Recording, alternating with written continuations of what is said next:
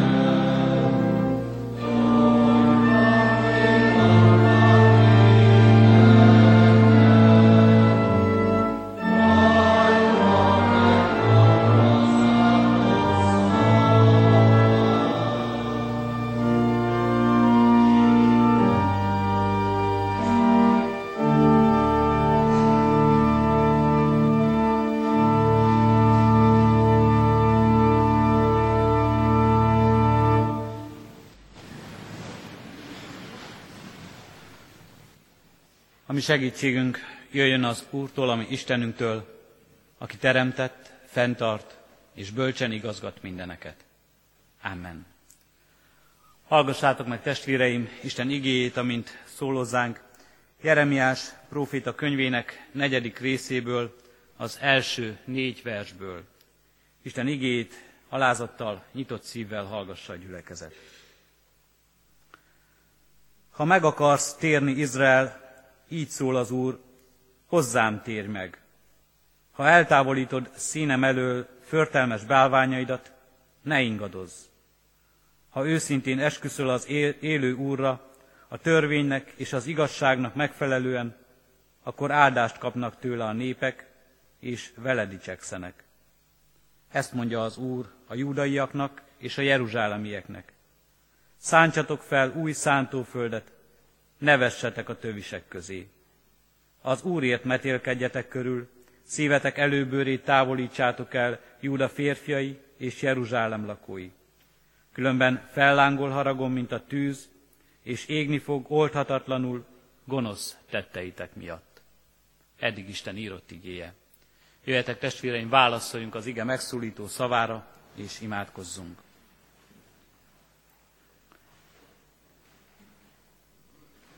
Teremtő Istenünk, menje édesatyánk, valóban fellángolhat a te haragod, amikor életünkre tekintesz, és ezért bűnbánattal hajtunk most fejet előtted, Urunk.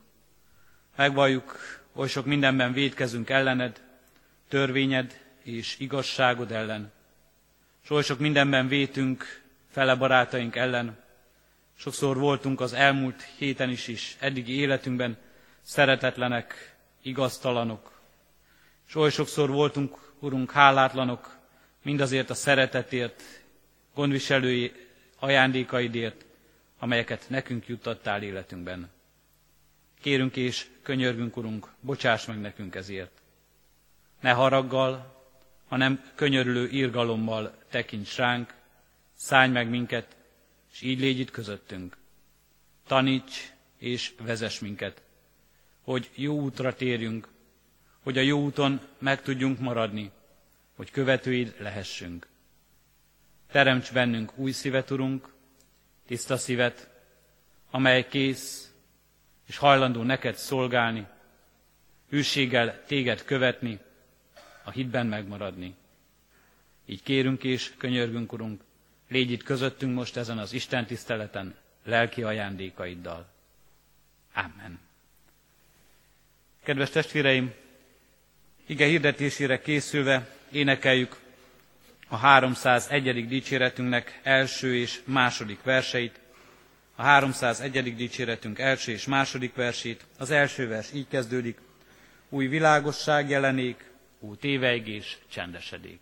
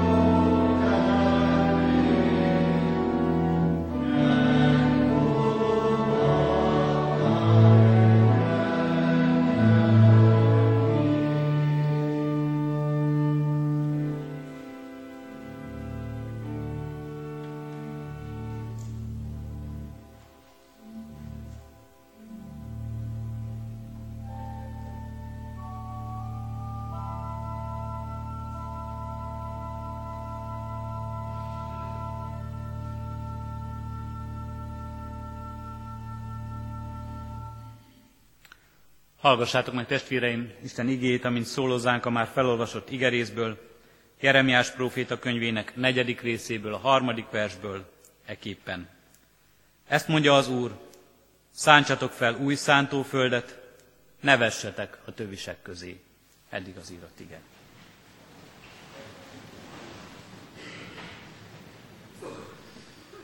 Kedves testvéreim, református bibliolvasó rendünk szerint a napokban kezdtük el Jeremiás próféta könyvét olvasni. Jeremiás próféta a Krisztus előtti körülbelül 7. században élt, Manassé és Ámon judai királyok istentelen uralkodása után Jósiás, az új király, a fiatal király vallási és társadalmi reformációja közepette. Harc dúlt az országban, amelyben élt, az emberek között, sőt, még azt mondjuk, hogy a hívő közösségben is, hiszen megosztott volt ez a közösség. Nem csak azért, mert egyik király a másik után következett és politikai érdekek feszültek egymásnak, de harcdult a lelkekért is. Új kultuszok jelentek meg Izraelben, a Baál követése, idegen istenek megjelenése, és a próféta egyik legfőbb feladata az volt, hogy ezek ellen harcoljon, ezek ellen küzdjön, igyekezzen a népet, az embereket visszavezetni az igaz, élő Isten tiszteletére, megújítani a szövetséget, a szövetség megújítására hívni. Ezt nevezzük a jósiási vallásreformnak is, amelyben Jeremiás is fontos szerepet kapott, mint próféta, mint Isten igazságának hirdetése.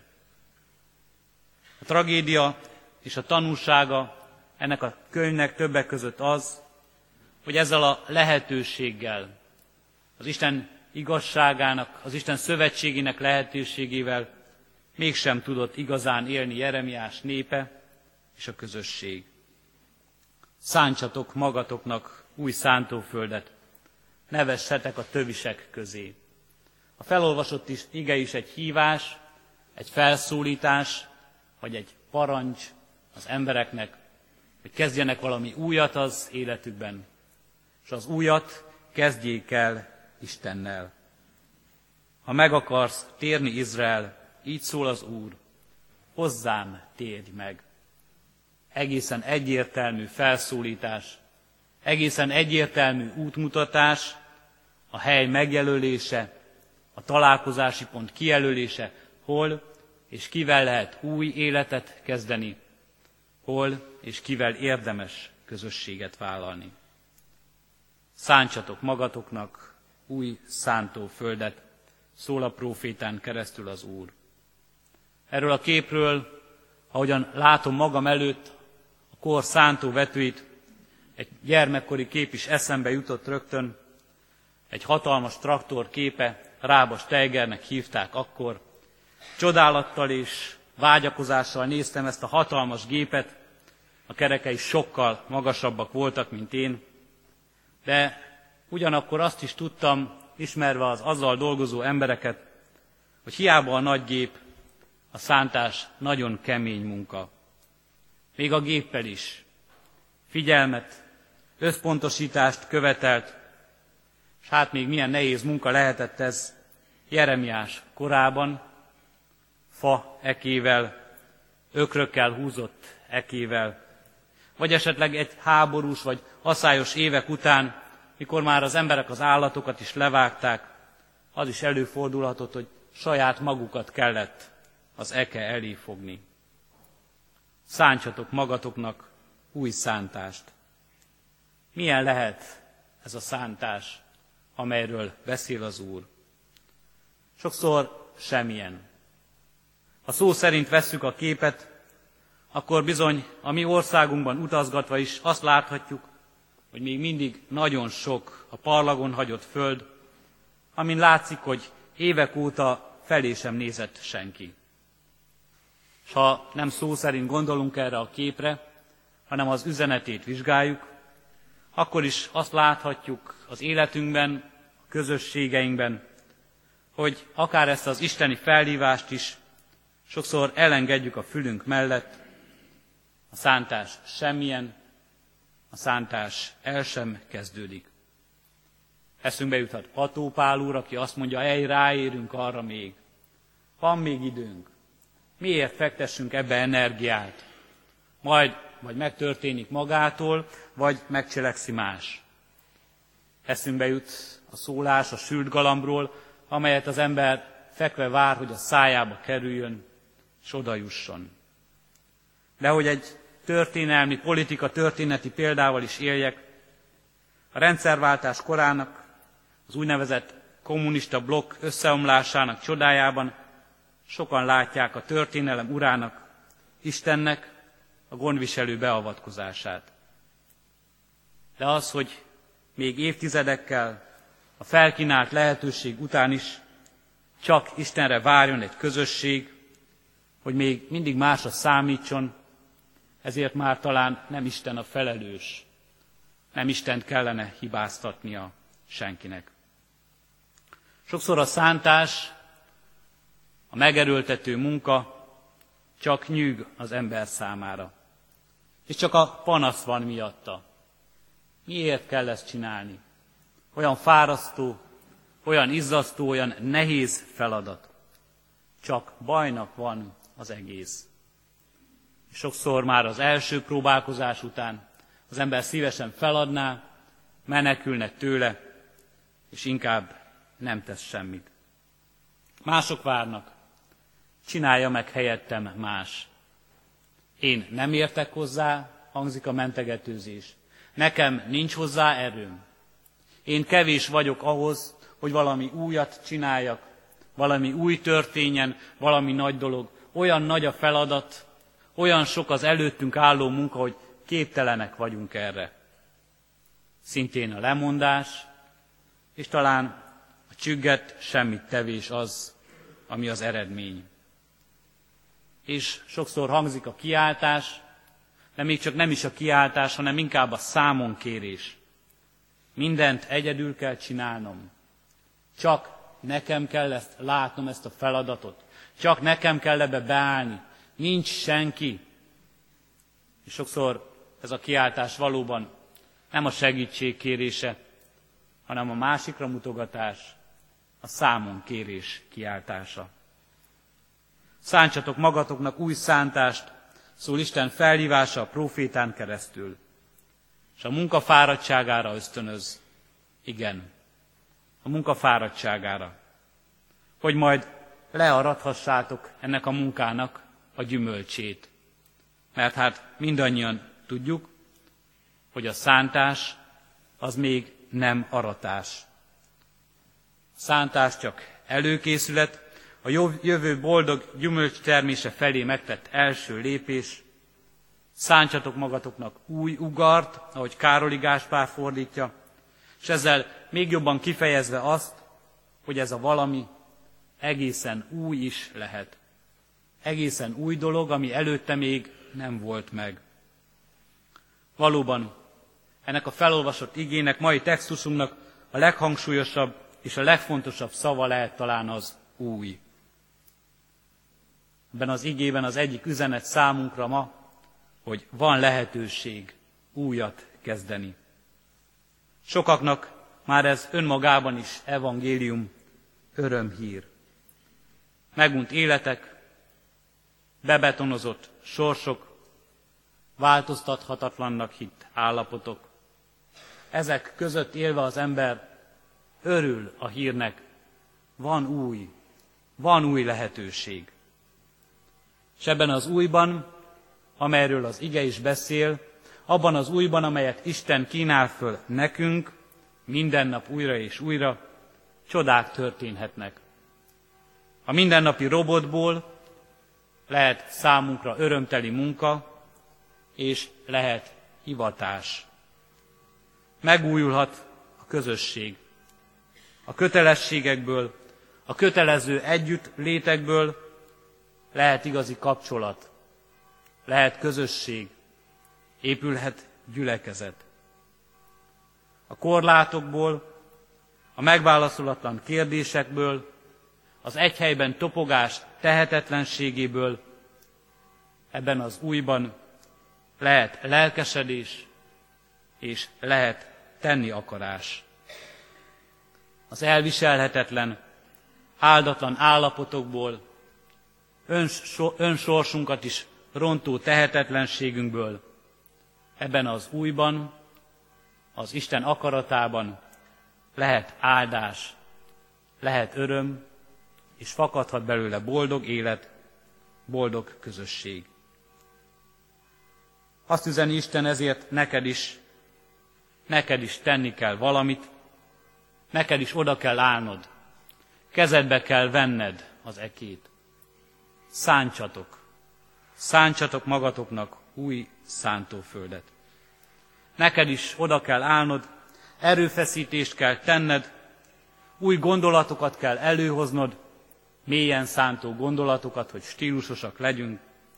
És az inséges időkben talán sokszor még az is előfordul, hogy nem csak az eke szarvát kell megfogni, hanem húzni is kell az ekét. Magunkat kell elékötnünk, hogy haladjon, hogy igazán új legyen, hogy megtörténjen a dolog. És hogy megtörténhessen a csoda, amiről beszéltünk, hogy mindaz, ami megunt, mindaz, ami bebetonozott és változhatatlannak tűnik, az megváltozzon, és élettel legyen tele. Eklézia szemper reformári debet, szól református hitvallásunk, azaz az egyháznak szüntelen megújulásra van szüksége. Mai igénk pedig azt üzeni, hogy ezt a megújulást sem várhatjuk karbatett kézzel, csak Istenre hagyva dolgainkat. Még akkor sem, hogyha tudjuk, az egyháznak Isten az Ura. Még akkor sem, ha tudjuk, és talán sokan közülünk meg is élték, vannak olyan csodák, amikor ő munkálkodik szent lelkével, még ha tudjuk, hogy vannak is ébredések, és emlékezünk rá örömmel és hálás szívvel, de mégis azt is tudatosítanunk kell, hogy az Istennek van elhívó és elküldő akarata, amelyben engedelmességre van szükség, amelyben a szolgálatok vállalására van szükség, amelyben a mi erőnkre van szükség, a mi kezünkre, a mi lábunkra, a mi szánkra, hogy cselekedjen, hogy szóljon az ő akarata szerint. Sivár lelki élet, amelyet látsz magad körül. Fogyatkozó közösségek, amelyek félelemmel, szorongással töltenek el. Csökkenő társadalmi megbecsülés, amelyben úgy érzed másodrendűvé válsz. Szántsatok magatoknak új szántóföldet. Kezdjetek újat, hangzik a biztatás. És ha újat szeretnél, ha megújulót szeretnél, akkor ebben benne van az, hogy ránk is bízatott feladat, felelősség, hogy nekünk is van fáradtságunk, és bennünk is ott van, és ott lehet az Istenre hagyatkozás bizalma. Másik hangsúlyos szava ennek az igének a magatoknak, melyet különösen a Károli fordítás tesz hangsúlyossá.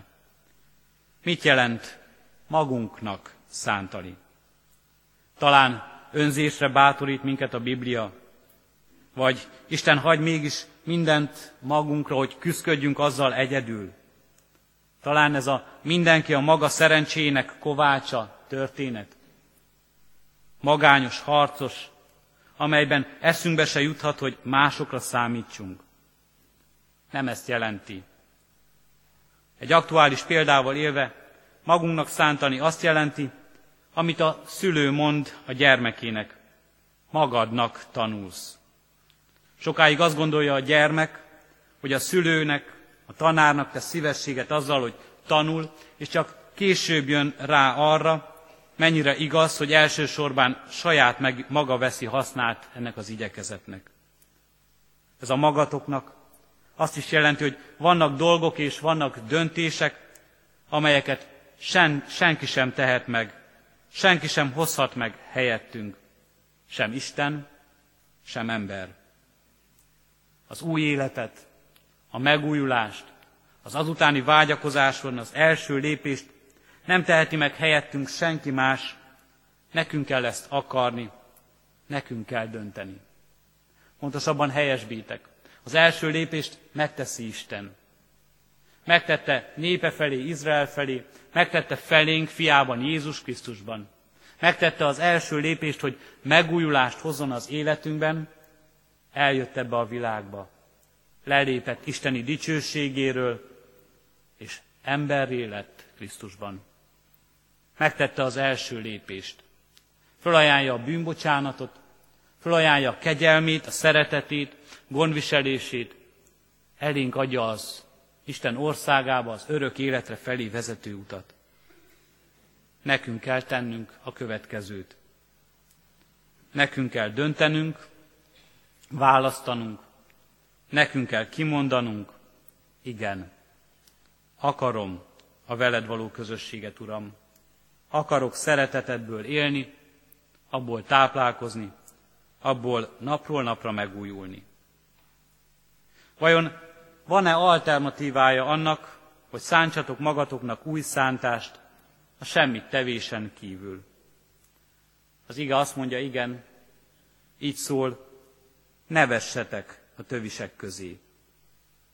A tövis, a gaz, haszontalan növény, amelynek nem kellene ott lennie a szántóföldben.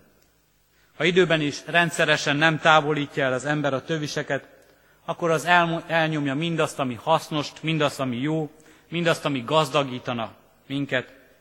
Elnyomja, elszívja előle a táplálékot, és azok előbb-utóbb gyümölcstelenné lesznek, vagy teljesen elpusztulnak. A vetés könnyebb, ha megspórolja az ember a szántást. Könnyebb és olcsóbb megoldás talán. De szinte biztos, hogy az aratás sikertelen lesz, vagy teljesen elmarad. Mi a tövis? Mi a tövis az életünkben? Mi a tövis a könnyebb megoldás útja az életünkben? Mi az, ami felé szívesen elmozdulna az ember, és megspórolná azt, hogy újat kezdjen? Talán minden olyan csüggedés, minden olyan reménytelenség az életünkben, minden olyan haszontalan gondolat, amelyel nem tudunk szakítani, amely vonz és ezer szállal köt magához minket. Minden olyan dolog, ami afelé húz, hogy ne akarjunk újat, ne lássunk újat magunk előtt. Kicsinnek, képtelennek érezzük magunkat, kevésnek és tehetetlennek. Mindez akadály. És ezért biztat minket Isten az ő igéjében, ezért biztatja a próféta Isten népét, és bennünket is. Tegyétek ezeket félre. Bízzatok. Bízzatok Isten szeretetében, bízzatok önmagatokban, és Isten áldásában, amely elkísértiteket, és tegyétek oda magatokat. Adjátok hozzá azt, ami a tiétek. Erőtöket, képességeteket. Keressétek ezt az újat, és tegyetek újat. Az elmúlt héten, az egyik nap boldog új évet köszönt számomra az egyik gimnáziumi tanár. Első hallásra nem is értettem, mit akar, majd eszembe jutott, hogy végülis egy tanév kezdő tantestületi ülésre igyekszem. Az új kezdet ideje, az új tanév, a boldog új évet erre vonatkozott. Sokan határozzák el ilyenkor, hogy újat kezdenek, új életet kezdenek, mintha január 1-ét írnánk. Diákok újat szeretnének kezdeni a tanulásban, szülők sokan a gyermekek nevelésében, a rájuk figyelésben, és talán néhányan még ilyenkor is fogadalmat tesznek. Ez az elhatározás nagyon jogos és nagyon jó. Azonban a baj sokszor ezzel az, hogy az ember csak az önmaga erejére támaszkodik. És ha ez nem elég, akkor az elhatározásból könnyen semmi sem lesz. Kudarc, csalódás lesz a vége. És minden ilyen elhatározáshoz sokkal többre van szükség a saját erőnknől. Minden ilyen új szántás kezdéséhez szükségünk van az Isten megsegítő erejére, mert ő az, aki így szól, íme újjá teremtek mindent. Újjá tehet mindent. És ahogyan a szántást most az igén keresztül ránk bízza, feladatokat ad nekünk, szolgálatokat, amelyekben helytállhatunk, mi mégis soha ne feledjük el, hogy a növekedést az Úr adja. Hogy hogyan gondolkozott egy idős lelkipásztor, teológus arról, hogy mit jelentett újat szántani a teológiában és az egyházunkban, hagyjáljon itt egy könyvajánló, Farkas József, szántsatok magatoknak új szántást. Aki teheti, forgassa ezt a könyvet. Azt kívánom, hogy Isten adjon nekünk odaszánt életet, és áldását, hogy mindez eredményes és gyümölcsöző legyen mindannyiunk életébe és egész közösségünkben. Amen.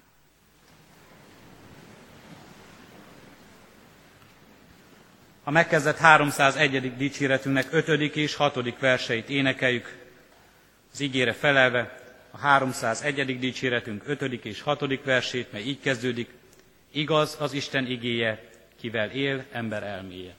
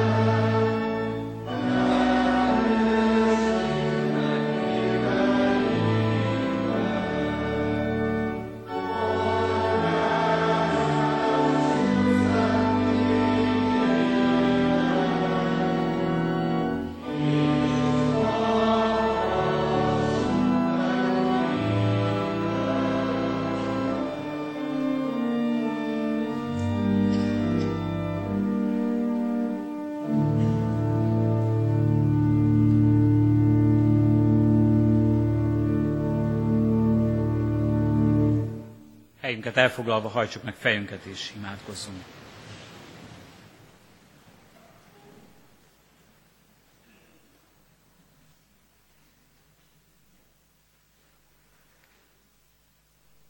Mennyi édesatyánk az Úr Jézus Krisztus által, Te jól ismersz minket, mindannyiunk életét egyen-egyenként. Jól ismered, Urunk, a bennünk élő kétségeket, félelmeket, a kérdéseket, mindazt, amivel szembenézünk napról napra, és azt is, amivel szembe sem merünk nézni. Ismered, Urunk, mi mindenben látjuk úgy az életünket, hogy az megrekedt egy bizonyos ponton, és nem látjuk, hogyan és merre kellene tovább mennünk.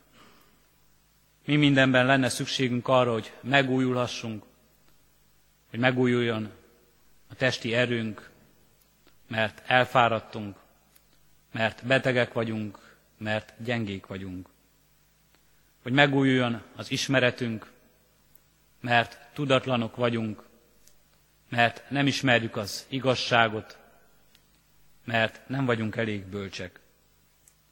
Hogy megújulhassunk lélek által, mert elfáradtunk, mert kiégtünk, mert kiüresedtünk.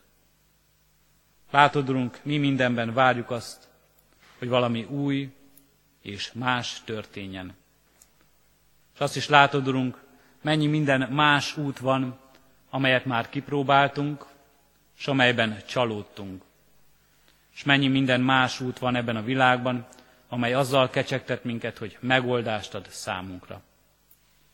Kérünk és könyörgünk, Urunk, vezess minket szent lelkeddel, hogy minden újat veled kezdhessünk el, a Te jelenléteddel, a Te áldásoddal, a Te szent lelked vezetésével, hogy ne kudarc, ne megsemmisülés, ne felégés legyen a vége, hanem az élet, a célba érkezés, a veled való közösség.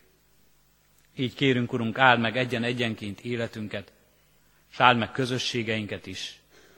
Imádkozunk egy gyülekezetért, melynek tagjai vagyunk, amelyben és amelyért felelőssé tettél minket. Imádkozunk, Urunk, egyházadért ebben a világban. Adorunk, hogy valóban ne csak hitvallásunk szép szava legyen, hogy meg kell újulnunk, de tudjunk is a Te igazságodhoz, a Te szeretetedhez mindenkor újra és újra visszatérni, és abból erőt merítve, megújult erővel, hittel neked szolgálni. És könyörgünk és imádkozunk, Urunk, népünkért, és népünk vezetőiért. Adurunk, hogy tudjuk elfeledni mindazt, ami régi, minden sérelmet, minden bántást, és újat kezdeni, és egymásnak új lehetőséget adni. És kérünk és könyörgünk, Urunk, azokért, akik most lelki és testi terheket hordoznak. Így légy, Urunk, betegeinkkel, mindazokkal, akik magányosak és egyedül érzik magukat, és így légy a gyászolókkal, s ad nekik, Urunk, az új élet, az örök élet reménységét, hogy rád bízhassák magukat, és hogy rád bízhassuk mindannyian szeretteinket. Kérünk és könyörgünk, Urunk, hallgass meg most a mi csendes imádságunkat. Köszönjük, Urunk, hogy megszólíthatunk téged, és te meghallgatsz minket. Amen. Együtt is imádkozunk az Úr imádság szavaival. Mi atyánk, aki a mennyekben vagy, szenteltessék meg a te neved. Jöjjön el a te országod, legyen meg a te akaratod, amint a mennyben, úgy a földön is. Mindennapi kenyerünket add meg nékünk ma, és bocsásd meg védkeinket, miképpen mi is megbocsátunk az ellenünk védkezőknek. És ne védj minket kísértésbe, de szabadíts meg a gonosztól, mert Tiéd az ország, a hatalom és a dicsőség mind örökké. Amen. Az adakozás lehetőségét hirdetem a testvéreknek, tudván azt, hogy a jókedvel adakozót szereti az Úr. Szívünkben alázattal, Urunk, áldását fogadjuk. Ti azért növekedjetek a kegyelemben, és a mi Urunk Jézus Krisztusunknak ismeretében. Övé a dicsőség most és örökkön örökké. Amen.